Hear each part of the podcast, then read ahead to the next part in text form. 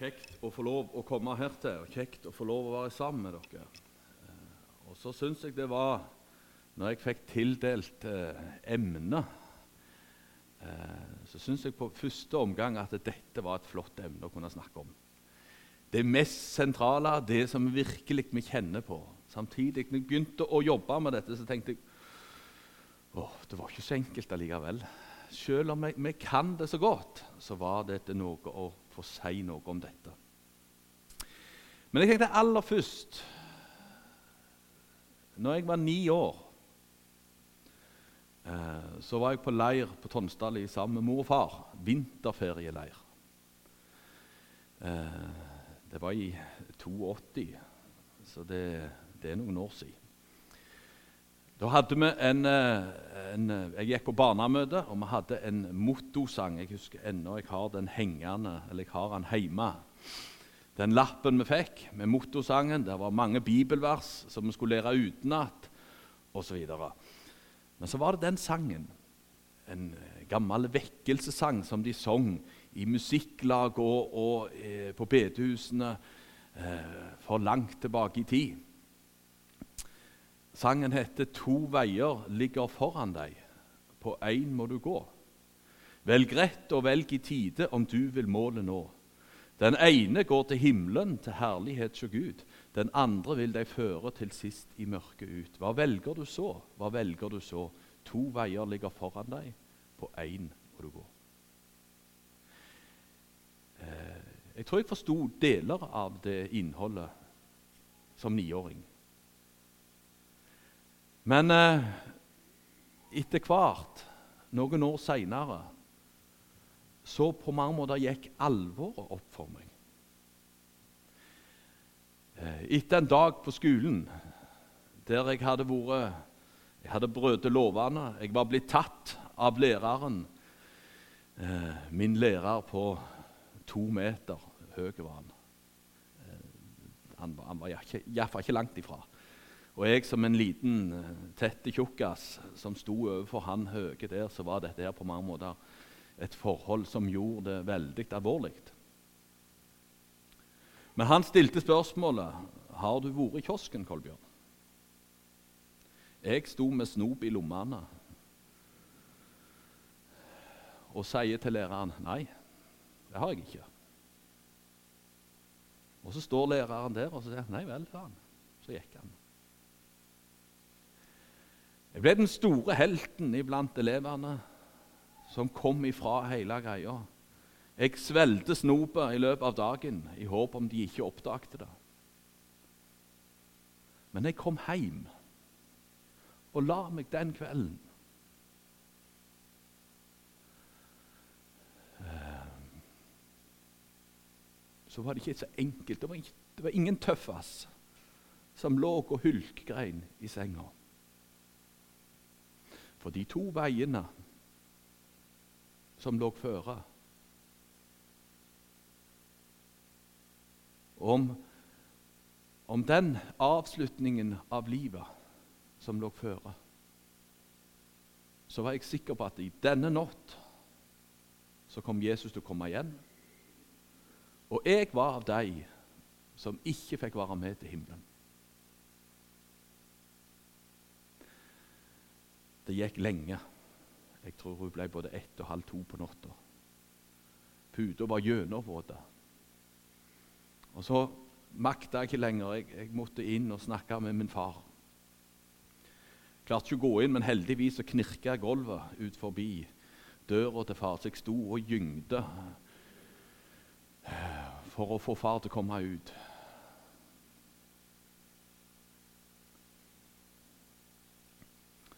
Tar han fram Bibelen min som lå på siden av nattbordet, som jeg leste i. Jeg leste andagsbok. Jeg ville være av deg. Eh, Og jeg kunne det i teorien. For jeg hadde gått på møte siden jeg var liten. Men så leste vi.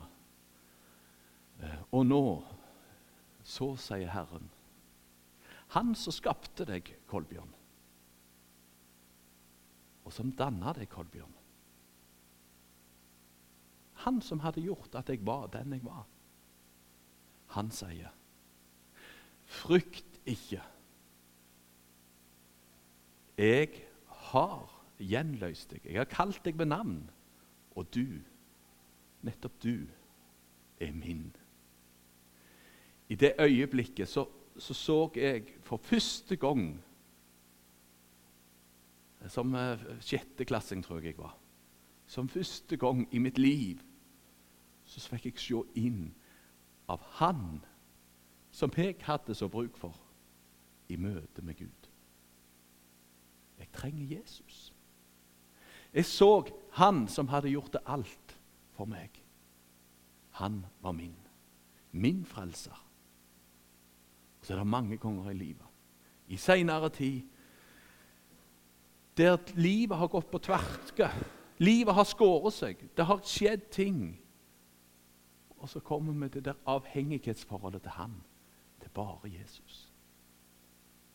En av de nyere, flotte sangene som vi, en, som vi synger mye i våre sammenhenger. Gi meg Jesus, bare Jesus. Bare Han.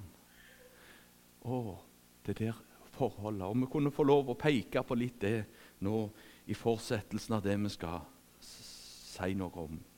Trenger Jesus for å få et rett forhold til Gud. Kjære Jesus, vi ber om De hellige ånds nærvær over møtet fortsatt. Amen.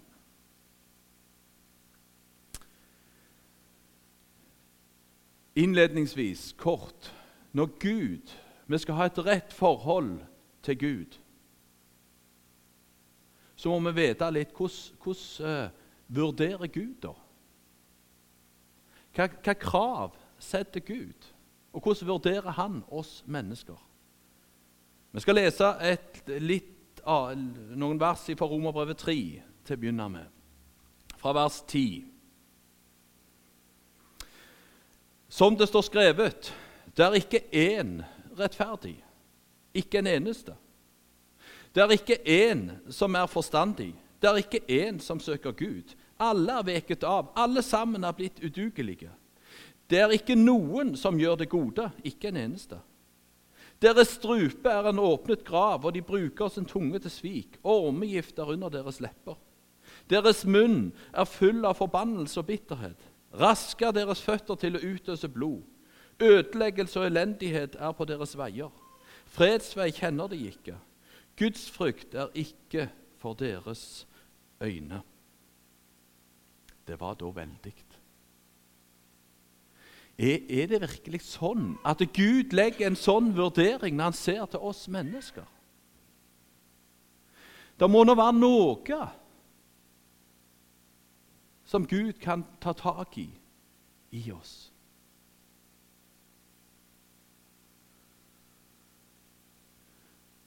For når vi leser i 1. Peters brev, kapittel 1 og vers 16, så ligger Guds krav. Dere skal være hellige, for jeg er hellig. Henta fra Gamletestamentet som Gud, Guds krav. Hva vil det si å være hellig? Hva vil det si å være eh, fullkommen? Fullkomment hellig. Uten synd. Uten noe som helst skavank eller tanker eller andre ting som vil føre oss vekk, eller som holder oss avstand ifra Jesus. Jeg har brukt til ungdommer mange ganger. og i opplevelse fra min oppvekst Eller fra min eh, ikke oppvekst.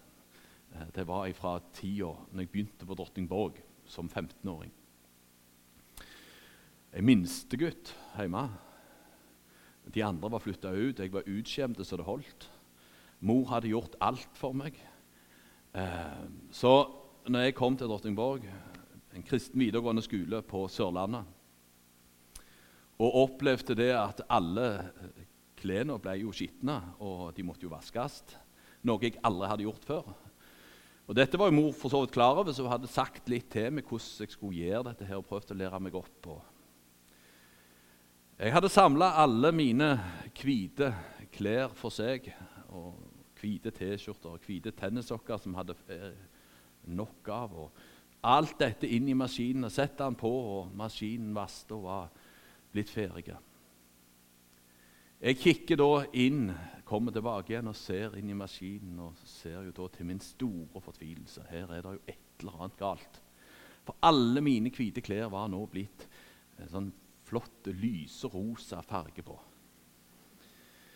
Og Som en 15-åring eh, gutt i rette alder på en internatskole og gå med rosa T-skjorte og rosa sokker, så var jo det for så vidt et ut, godt utgangspunkt for gode samtaler.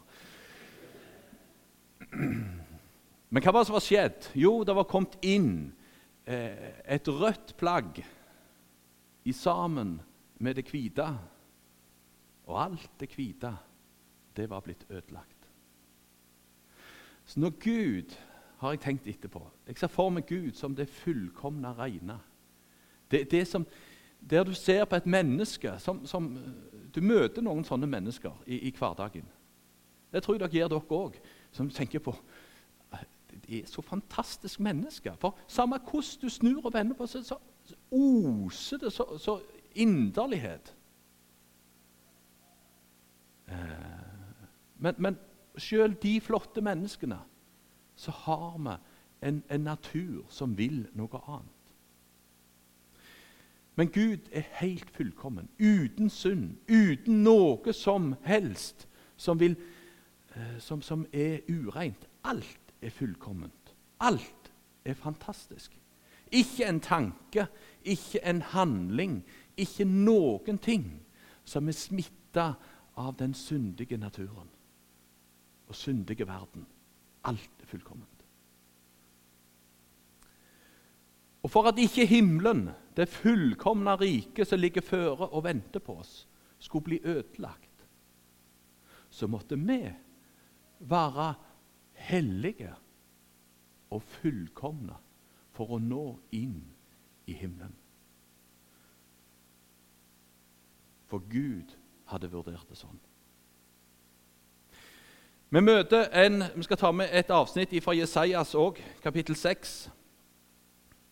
Der møter vi profeten Jesajas i møte med Gud. Og Vi skal lese der fra vers 1, rett og slett bare for å få sammenhengen.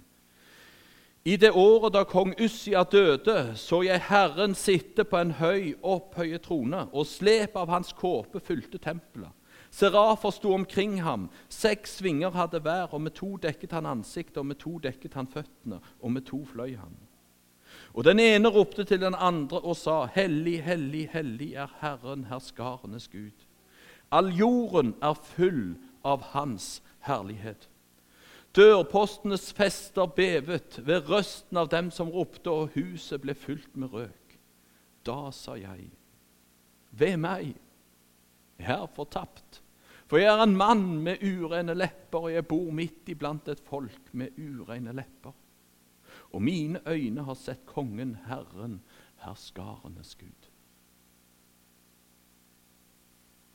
Møte med Gud. Der du står ansikt til ansikt med den tre ganger hellige Gud, som du en dag, om du vil det eller ei, skal stå ansikt til ansikt for. Paulus, han snakker om Jesus i Filipperbrevet 2, så sier han at hvert kne skal bøye seg, og hver munn skal bekjenne på den helt bestemte dagen som Gud har sagt kommer til å skje. Når avslutningen her i livet kommer, og dommen kommer, så skal hvert kne Den dagen så skal alle de som har levd livet før, den dagen så skal Hitler. Den dagen så skal Stalin. Og vi kunne tatt disse herrene, eh, herskerne i verden. Og vi kunne tatt de menneskene som vi møter på. Men i dag så skal vi tenke med oss sjøl. Hver enkelt av oss skal den dagen stå for Gud med våre liv. fullføre han. Jesajas konklusjon han står her. Så sier han 'jeg er fortapt'. Fordi han sier 'jeg har ureine lepper'. Og Jeg har tenkt på det. Hvorfor i all verden bruker du det uttrykket? For du sier jo òg du bor blant et folk med ureine lepper. Leppene, liksom. Det er ordet, det som kommer innenifra, som kommer ut. Det står noe om at det er det som kommer her, som gjør mennesket ureint.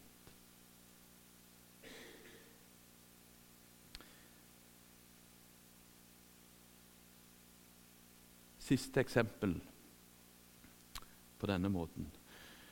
David, mannen med de fine øynene og de røde kjekene.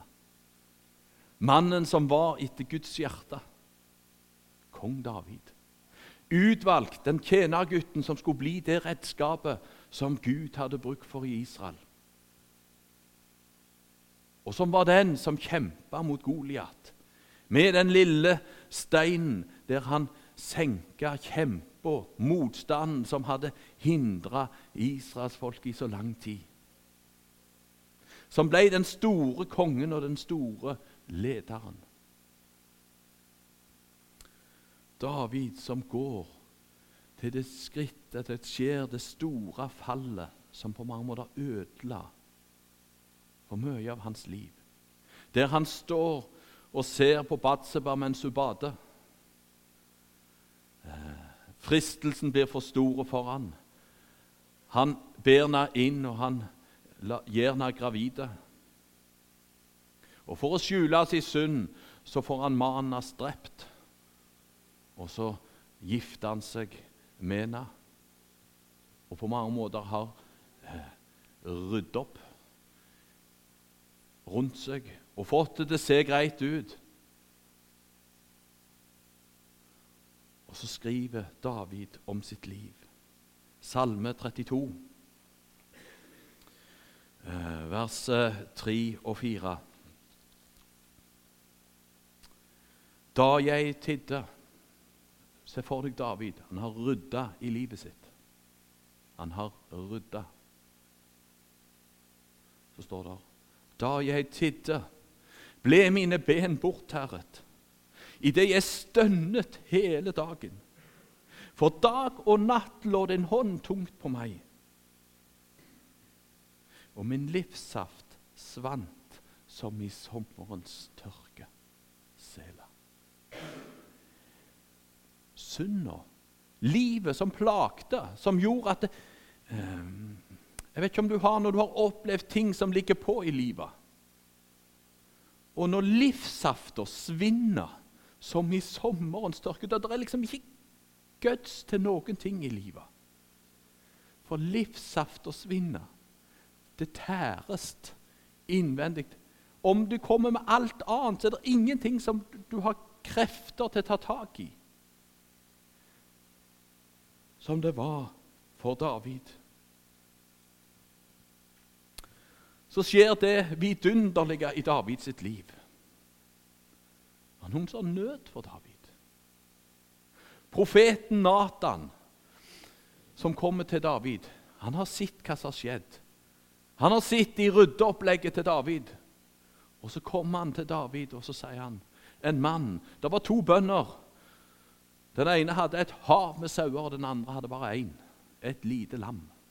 Og så får, er det en, en som får, den, den, Han med alle sauene han får besøk av en som skal ha mat.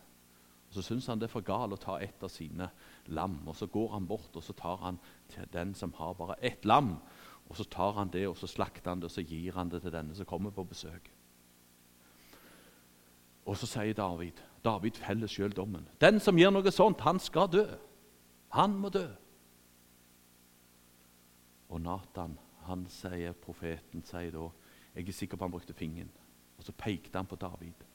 Og så sier han, 'Du, David, du er mannen. Du er mannen. Og Som følge av det så kan dere når dere kommer hjem, lese Salme 51, som David da skriver om sitt liv. Men eh, Salme 32 sier i vers 5 om hva som skjer med David. Jeg bekjente min synd for deg og skjulte ikke min skyld. Jeg sa, 'Jeg vil bekjenne mine misgjerninger for Herren.' Og hør hva som står. Og du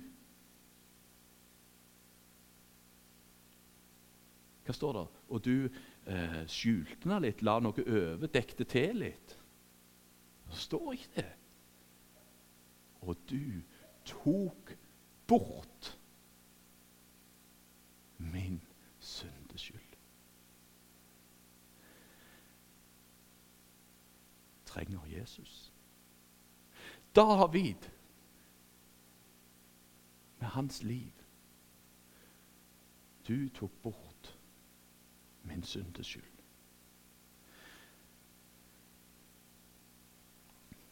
Var det så enkelt? Jesu død på korset veien om Golgata. Det er han som var prøvd i alt i likhet med oss, men var uten synd. Jesu kamp i Getsemane, der han ropte 'Er det mulig?' Så la denne kalk gå meg forbi. La meg få slippe, men ikke som jeg vil, bare som du vil. Så ropte han et fullbrakt. Og så er det fullført av frelsesverket som Jesus gjorde for deg og meg. Det er så fullkomment. For når vi da leser Og det stoppet meg her for ei tid tilbake. Når vi leser i første kongebok Nå er David død. Eh, han, han har eh, Ehm, han, han, eh, som sagt er død. Riket Israel er nå delt i to, og det er kommet nye konger. Og Så leser vi kapittel 14 i første kongebok og vers 8. Og Der står det sånn Jeg har revet riket fra Davids hus og gitt det til deg. Men du Altså han sier til en ny konge når Gud taler til en ny konge. Men du har ikke vært som en tjener David han som holdt mine bud og fulgte meg av hele sitt hjerte. Og så står det en setning. Dere ser det? Så han ikke gjorde annet enn det som var rett i mine øyne. Og når jeg leser det og tenker på David sitt liv Du har lest om han så skulle du tro at Gud kunne når det minste ha satt en parentes rundt noe. For vi kunne sett i et kapittel lenger ute. Der står der er folkets vurdering. Så syns de òg David var en flott kar, unntatt i det som hendte med titten Uria. står det der. Men når Gud vurderer, når Gud snakker om David, så sier han så han ikke gjorde annet enn det som var rett i mine øyne. Ja, Men husker han det ikke? Har Gud glemt det? Det er kasta i glemselens hav, for det er tilgitt av vår Herre Jesus Frelser. Hva var det der sto? Hva var det David skrev i Salme 32? Så du tok bort min syndes skyld. overfor Gud Når du skal stå overfor Gud, så er det ikke sånn at Gud kommer med ei remse og så sier han det, ja, det, det, er flott du har Jesus, og det der, men jeg husker når du gjorde det og det og det. og det. Når ting i ditt liv som djevelen kommer og frister med hele veien Du husker når du sa det til den mennesket. Du husker når du tok det som ikke var ditt. Du husker når du hadde den som ikke var helt sann. Ting som du har fått gjort opp. Men så kommer dragene overfor Gud. Så har det aldri hendt. Det er tilgitt. Han tok bort min syndeskyld.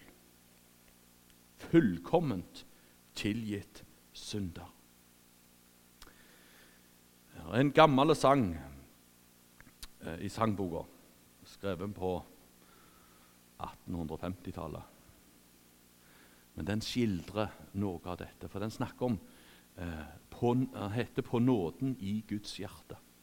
Så sier han det eh, for, eh, for han skriver 'På nåden i mitt hjerte en tid jeg støttet meg'. Altså på nåden her, kristendommen her inni mitt hjerte. Her jeg måtte rydde og få ting på plass hos meg sjøl. Kristendommen min måtte bli litt bedre. Alt måtte bli Eh, bedre. Så står det min trygghet tapte seg. Jeg var da vel fornøyet nå rørt jeg hjertet fant. Men var jeg mindre bøyet? Ja, min tro med ett forsvant. Altså, Alt bygde på meg og mitt og mine følelser. Så fortsetter han. Men Gud skje takk som sa meg min feil så den jeg sa. Så, og bedre grunnvoll ga meg å bo og bygge på. Hva da? På nåden i Guds hjerte. Da er vi ikke her, altså. Da er vi ikke på dette nivået, men da er vi på Guds hjerte, som Jesus frem har brakt. Eh, ved korsets død og smerte som han for oss har smakt. På nåden i Guds hjerte. Utenfor oss, ikke hos meg, men hos Gud. Der har vi det som vi har å bygge på. Og Så står det videre, så sier han eh, Vel skifter sol og skyer i hjertet ofte om. Snart ordet, Bibelen Du sitter på møte hjemme med en oppslått bibel. Snart ordet meg fornyer. Neste øyeblikk så sitter du kald og tom. Og så står det Men jeg har lært betrakte Se Gud. Her borte, på Guds hjerte. Ikke hos meg, men på Guds hjerte. Men jeg har lært betrakte hos Gud det skifter ei. Jeg har nå lært forakte mitt hjertets ja og nei. Sjå meg, der svinger det. Men sjå Gud står det fast. Jeg trenger Jesus i møte med Gud. For det er sjå Gud så står det fast. Til slutt Nå tar det litt ut, dette her. Men til slutt 1. Johannes brev Eh, det har et uttrykk. Vi kunne tatt med både mer om Jesajas, for han kommer med en bekjennelse. Han sier, når Gud kommer og rører med ham, så, så, han, så, så, får han se Jesus med den gloende steinen, og så får han bekjenne sine synder. Eh, og så sier han etterpå når Jesus spør hvem vil gå, så sier han 'Her er jeg, send meg'. Men Det kommer dere tilbake til en annen dag. Men det er en del av takken for Golgata. Det å få gå ut med evangeliet og forkynne om Han til de som ennå ikke har hørt. Men 1. Johannes brev har et uttrykk som jeg er blitt så glad i. Eh, for, for Vi skal lese et lite avsnitt i 1. Johannes brev, kapittel 1, eh, og fra egentlig vers 5. Eh, og hvis dere der, når vi leser de versene så leser vi egentlig, så står det i annethvert vers nedover, til og med kapittel 2 og vers 2. Altså, Det ene er om oss, og det andre om Jesus. Så Hvis dere tenker på det når vi leser, så begynner vi med et vers eh, fra vers eh, 5, var det ikke det vi skulle begynne? Ja. Og dette er det budskapet jeg har hørt av ham og forkynner for dere. Gud er lys, og det er ikke noe mørke i han. Et vers om Jesus, et vers om oss. Dersom vi sier vi, vi, har samfunn med Han, men vandrer i mørket, da lyver vi og gjør ikke sannheten. Et vers om Jesus. Men dersom vi vandrer i lyset, liksom Han er i lyset, da har vi samfunn med hverandre, og Jesu, Hans Sønns blod, renser oss fra all synd. Og så kommer det et vers om oss. Dersom vi sier vi ikke har synd, da bedrar vi oss selv, og sannheten er ikke i oss. Et vers om Jesus.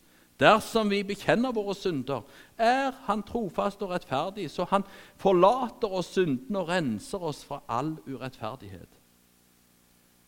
Og et vers om oss.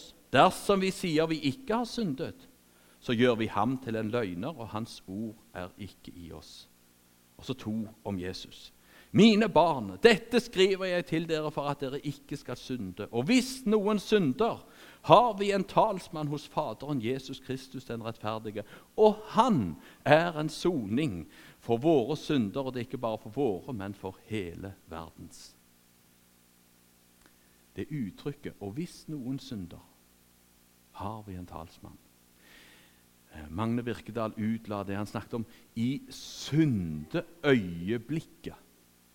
I det øyeblikket du står planta og du kjenner på at det her gikk det skeis Her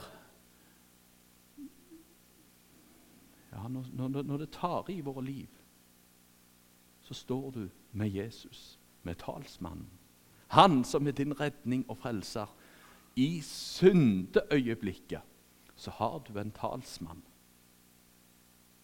som taler for Gud. Og hvis noen synder, har vi en talsmann hos Faderen. Jesus Kristus, den rettferdige. Du er det å leve i avhengighetsforholdet til Han som er din redning overfor Gud. For det er hans håp, hans fullkomne liv. Ren og rettferdig, himmelen verdig er jeg i verdens frelser alt nu. Ordet forkynner at mine synder kommer han aldri mere i hu. Å, jeg er frelst og salig fordi Sønnen har gjort meg virkelig fri. Fri fra nøden, dommen og døden. Amen. Halleluja. I Han, i syndeøyeblikket, er du tilgitt. Så kan det hende at det er ting i livet som må ryddes opp kan det hende at du må gå og gjøre opp med din bror om Herren minner deg om det. Det kan være ting som du må rydde i livet ditt, men i forhold til Gud så er det kun Jesus. Der har du et tilgitt forhold overfor Gud.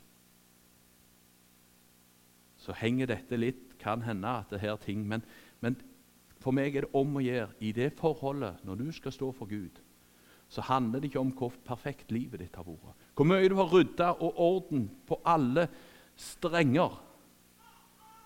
Men spørsmålet blir kun om du har Jesus.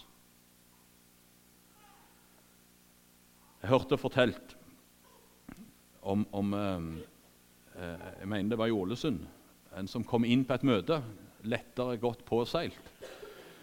Um, og um, han uh, tar imot Jesus på det møtet.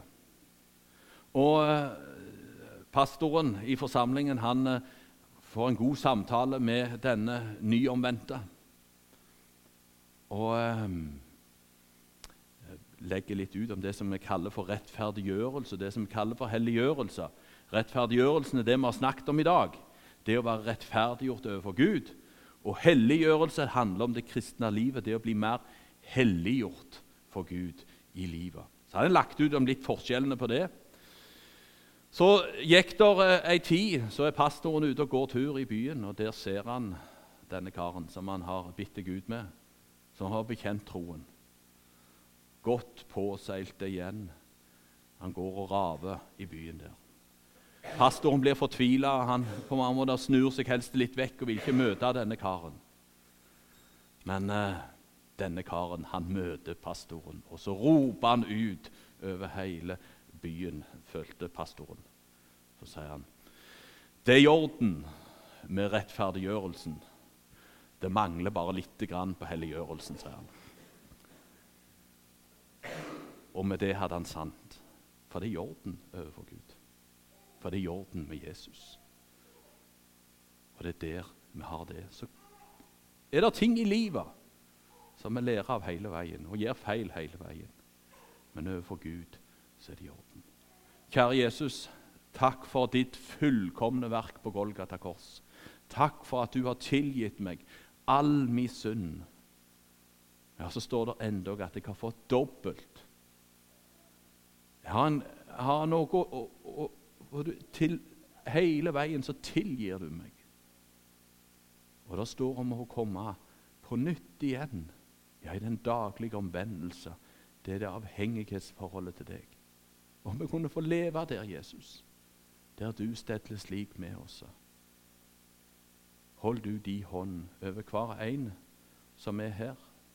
Stell du med ungene, ungdommene som hører til huset. At vi kunne få leve i et sånt forhold der at vi trenger deg, Jesus.